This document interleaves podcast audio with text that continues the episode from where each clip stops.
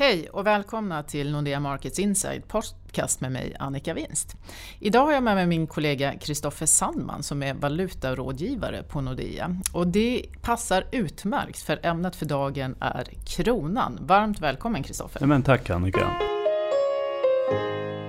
Eh, nu är det sportlov. Några familjer har redan åkt och några ska åka. Det kommer bli dyrt att åka utomlands eh, och, och, fira sportlov. Kronan har fortsatt sin kräftgång och vi är nere på 10,60 mot euron. Och semesterkassan är förstås en liten del men det är ju ändå en signal om att vi har blivit fattigare.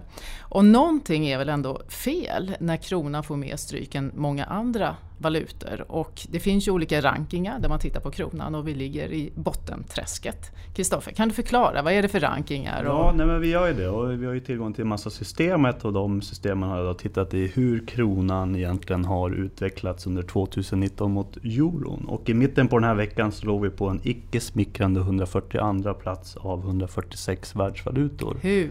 Vi var slagna av länder som Ghana, Haiti, Jamaica och Argentina. Men när jag tittade idag faktiskt så ligger vi på näst sista plats. Enbart Jamaica sämre än Sverige. Kronan har försvagats med ungefär, lite drygt till och med, 4% mot euron bara på två månader. Jag vet knappt om jag vill höra mer, om det ska fortsätta på den nivån. Det, det låter ingen vidare. Eh, men jag tänker att det finns ju ett antal olika anledningar eh, till att kronan är svag. Om vi börjar titta på den korta sikten. Nu tog det de senaste dagarna och det har ju hänt mycket den sista tiden. Vad är det för skäl bakom de här, den här sista försvagningen? Primärt ska jag nog vilja uttrycka mig ganska frankt men lite grann och säga att marknaden har gett upp. Eh, min känsla är att många ändå haft en tro på att vår svenska krona någonstans kommer att stärkas. Det är någonting som känns fel. Men det är ett antal händelser den här veckan, tycker jag i alla fall, som man kan lyfta fram som har bidragit till att kronan har försvagats. vad är det? Eh, I måndags fick vi bostadsstatistik som i sig inte var någon jätteöverraskning. Eh, men säsongsjusterat då så, så visar bostadsstatistiken på att eh, januarisiffror var negativa. Och HOX då som eh, ValueGuard som är de som tagit fram den här statistiken vittnar om att det var den sämsta januariprinten vi har fått någonsin under den här statistikserien. Uh, utöver det så har det varit en del uh, kräftgång på börsen, framförallt inom banksektorn och det är klart att där kan man väl anta att det var ett antal negativa kronflöden utifrån det. Men framförallt så är det tisdagens inflationsutfall som var, tror jag i alla fall, den droppen som fick bägaren att rinna över. Eh, det har ju funnits en förväntan på att Riksbanken eh, kommer att fortsätta implementera sin räntehöjning. Och det är lite stora frågetecken som ställdes här i marknaden efter tisdagens inflationsprint. Den ja. var så pass låg. För de som inte följer varje siffra eh, dagligdags så kom ju inflationen in betydligt sämre eller lägre än vad både vi och Riksbanken hade tänkt sig. Man ska säga att januari är en svår månad att göra inflationsprognoser för man byter korgen, alltså vissa varor åker ut. Till exempel radioapparater och tv-licens försvann den här gången och andra varor kommer in. Eh, men det är ändå en oroväckande låg siffra och det fick ju marknaden att eh, reagera. Vi fick ju protokollet idag från Riksbanken. Var det mm. någonting där som du eh, utifrån ett marknadsperspektiv reagerar på eller funderar på?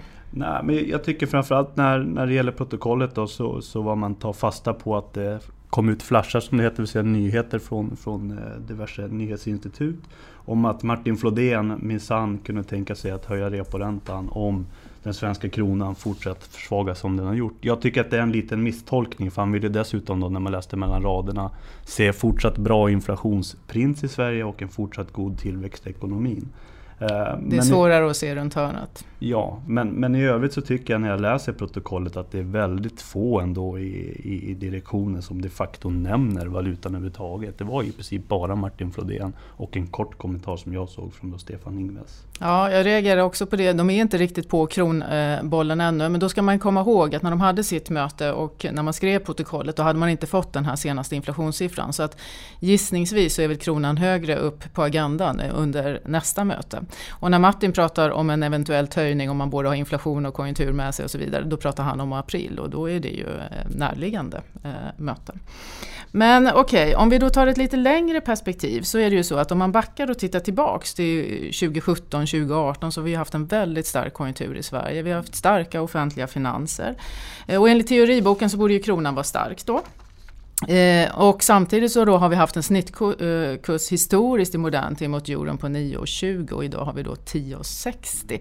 Om man tar dollarn så är det 7,80 och vad har du dollarn i nu? Ja, den ligger just under 9,40 ja, eh, så Det är ju extremt eh, svag krona jämfört med hur det ser ut långsiktigt. Och när jag säger i modern tid så menar jag alltså mitten av 90-talet om man införde oberoende riksbank och så vidare.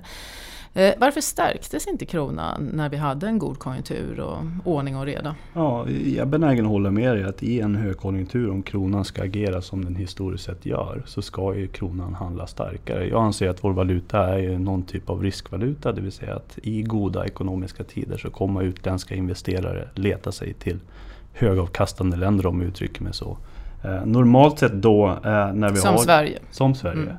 Eh, normalt sett då när vi har en, en högkonjunktur och goda statsfinanser så brukar väl det också i min värld i alla fall innebära att vi har ett typ av kostnadstryck och ett inflationstryck. Och det inflationstrycket har vi de facto inte sett. Och det innebär ju att Riksbanken har ju bedrivit den penningpolitik som vi har sett med jättelåga räntor. Som i sin tur gör då att utländskt kapital inte attraheras av att investera i Sverige AB. Och det är väl den absoluta anledningen, tror jag i alla fall, till att kronan inte har stärkts som man kanske kunde förvänta sig. Alltså det man kan konstatera att eh, konjunkturen är inte det som har eh, påverkat kronan utan det är Riksbankens penningpolitik som har varit avgörande. Och då kan man ju ställa sig frågan om det var så i en konjunkturuppgång eller i en stark konjunkturresa, kommer man ha samma resonemang när då konjunkturen nu viker? Vår prognos är att vi får svagare tillväxt framöver, att vi har en avmattning och vi, vi ser redan att den har påbörjats. Eh, och i så fall har man ju både konjunkturen och vår bedömning och Riksbanken lite längre fram är ju att inflationen faller tillbaka som talar för att kronan kommer vara fortsatt och svag. Mm. Hur ser marknaden på det här med att konjunkturen har toppat? Vad spelar det för eh, roll? Ja, men det är klart att den spelar roll på flera olika sätt. Eh, dels för företagens del så borde allt annat lika innebära att framtida försäljningar av varor och tjänster blir svåra att prognostisera. Det innebär att eh, man kommer kanske behöva vara mer försiktig i sina valutasäkringsstrategier och då blir man ju mer beroende egentligen av vad då spotkursen som det heter, det vill säga priset på en valuta per idag ligger. Eh, och jag tror också att problemet är att vi är på så pass höga nivåer eller svaga nivåer för vår svenska krona just nu att även om konjunkturen viker så tycker folk att nuvarande nivåer är alldeles fel.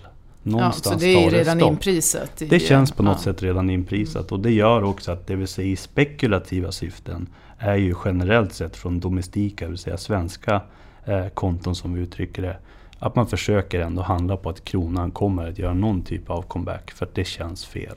Fundamentalt är inte det helt rätt. Nej. Eh, om vi byter fokus lite grann och går in på företagen som du var snuddade vid här. Så jag brukar ju säga att det är världshandeln som styr svensk export. Alltså går det bra för omvärlden, ja då kan vi sälja våra produkter. Går det mindre bra så kommer vi ha svårare att sälja dem. Eh, däremot, det som påverkar eh, av växelkursen det är ju företagens marginaler. Mm. Och hur ser du på det här framöver? Hur tänker exportörer och importörer? Är det så som man fick lära sig i teoriboken och som faktiskt Riksbanken ganska ofta säger, det vill säga att en, en svag svag krona är bra för svensk export. Vi har ju väldigt mycket som importeras även i exportföretagen idag. Ja, det stämmer väl till viss del att en svag krona är bra för svensk export. Men om vi börjar med att prata om exportörerna så tror jag man också måste inse hur egentligen de fungerar per idag. Jag tror en historik som du pratar om innebär att man som svensk exportör hade produktion och tillverkning och kostnadsbas i Sverige. Och man sålde sina ut varor till utlandet och därigenom så fick man då en valutarisk som man då växlade hem till kronor, den vinst som blev. Hur det ser ut idag i min värld är mer att allting är mycket mer eh, nystat eller vad man ska kalla det. Det vill säga att man kan ha inköp av varor generellt sett kanske från Asien som man betalar i dollar eller i minby. Man kanske har tillverkning och produktion i ett eh, Eh, ett land som kan heta Polen och man kan avyttra sina varor till Euroland och Storbritannien. Och utifrån det här liksom, nätet så uppstår en vinst och den ska i sin tur då växlas hem till svenska kronor förr eller senare.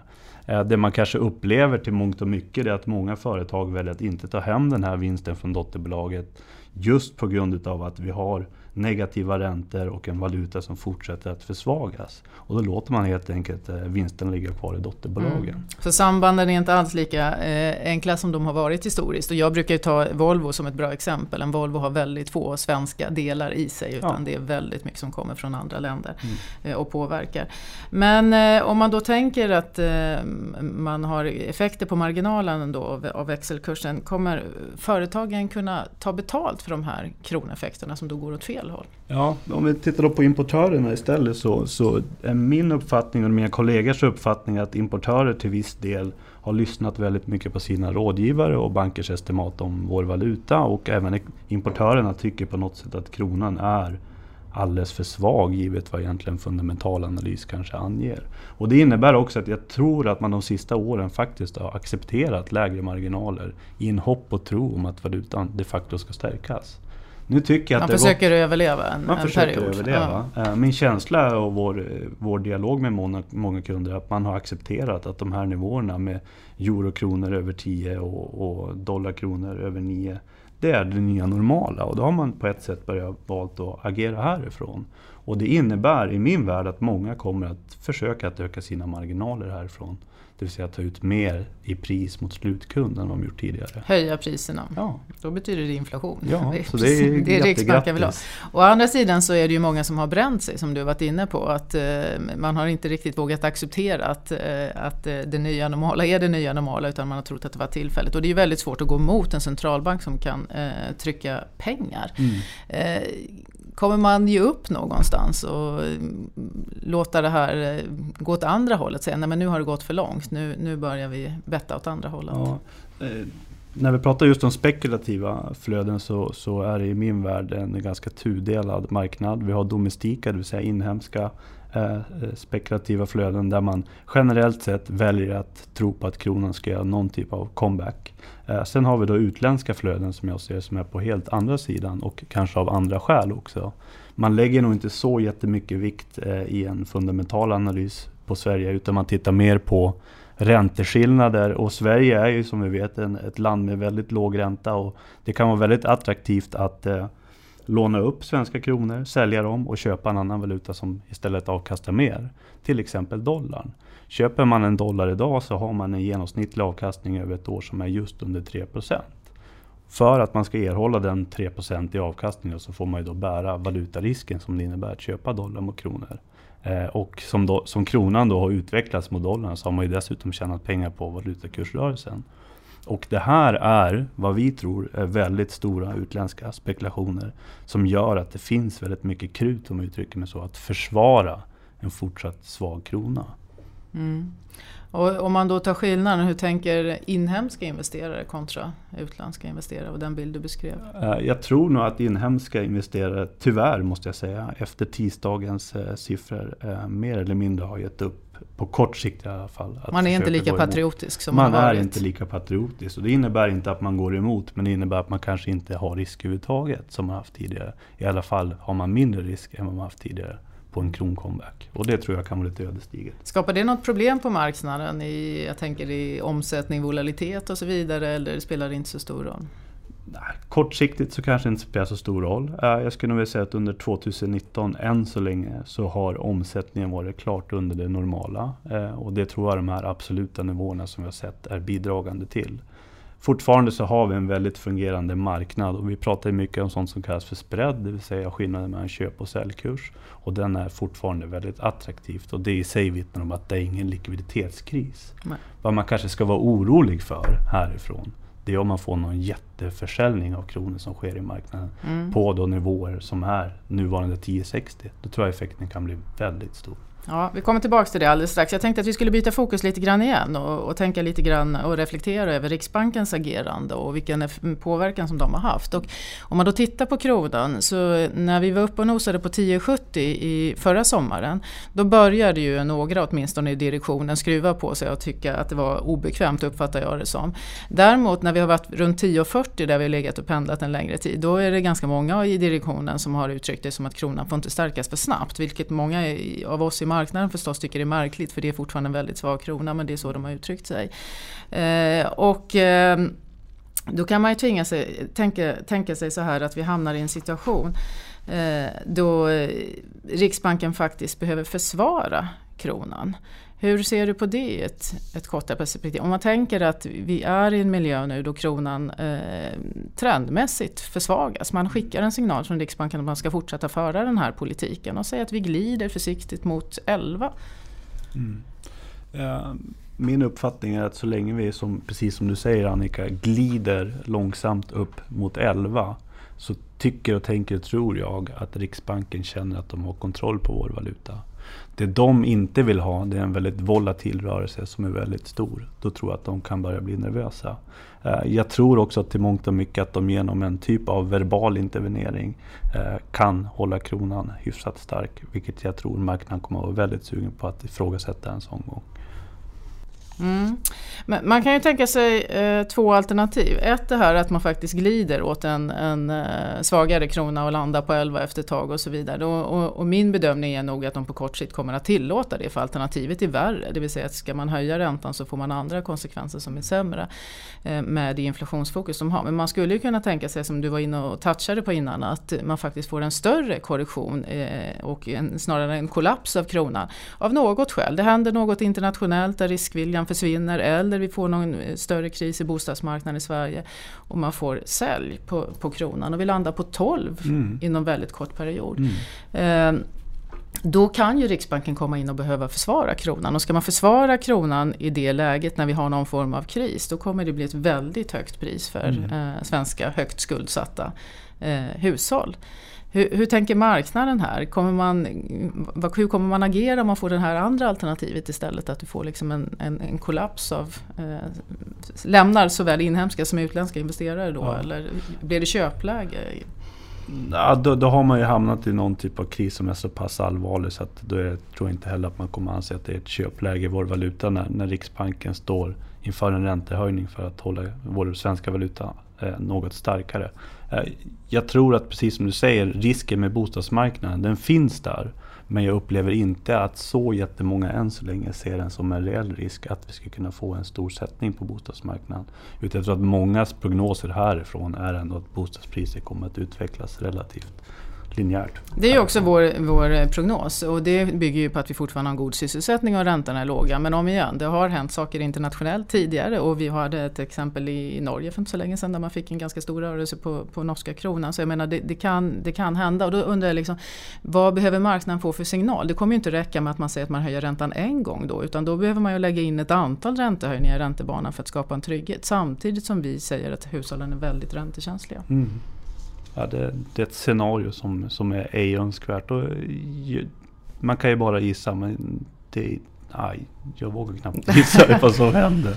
Ja, oavsett om vi får en glidande försvagning av kronan mm. eller om vi får en, en, en, större kollaps så är det ganska mycket som pratar för att vi faktiskt får en svagare krona framöver. Och då måste man ju ändå ställa sig som ekonom frågan, vad har vi vunnit på det här? Och då skulle jag säga att det är mycket lite. Vi har fått lite högre tillväxt och vi har fått lite högre sysselsättning.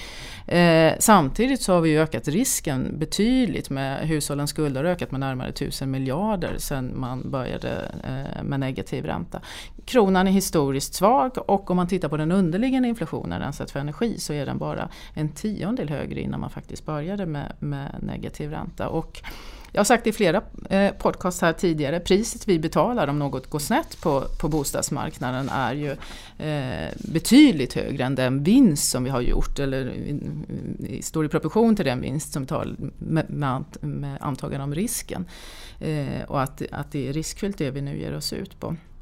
Det som dock tillkommit den här senaste tiden det är ju kronan. Eh, där det finns en risk att nu Riksbanken hamnar i en rävsax där man i en miljö som är stökig också mm. behöver försvara eh, kronan. Ja, och där kan man väl tillägga också, en, en, precis som du säger, en väldigt svag valuta som fortfarande inte verkar ge någon större inflationsimpuls eh, i de inflationstal vi ser. Nej.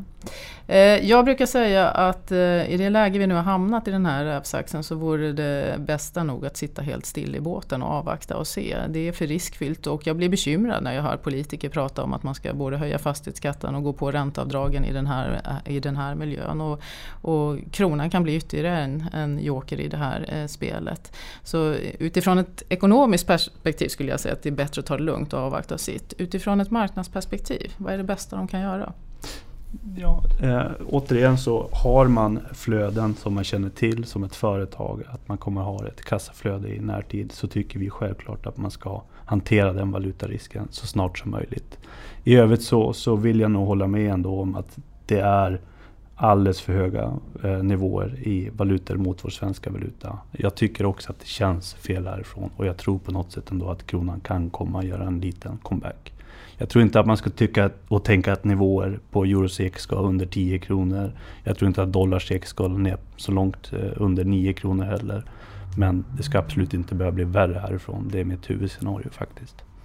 Det var optimistisk avslutning ja. på den här eh, podden om kronan och jag tror att vi nästan får stanna där om du inte har något som du ytterligare vill tillägga Kristoffer? Ja, jag känner mig ganska nöjd. Mm, bra.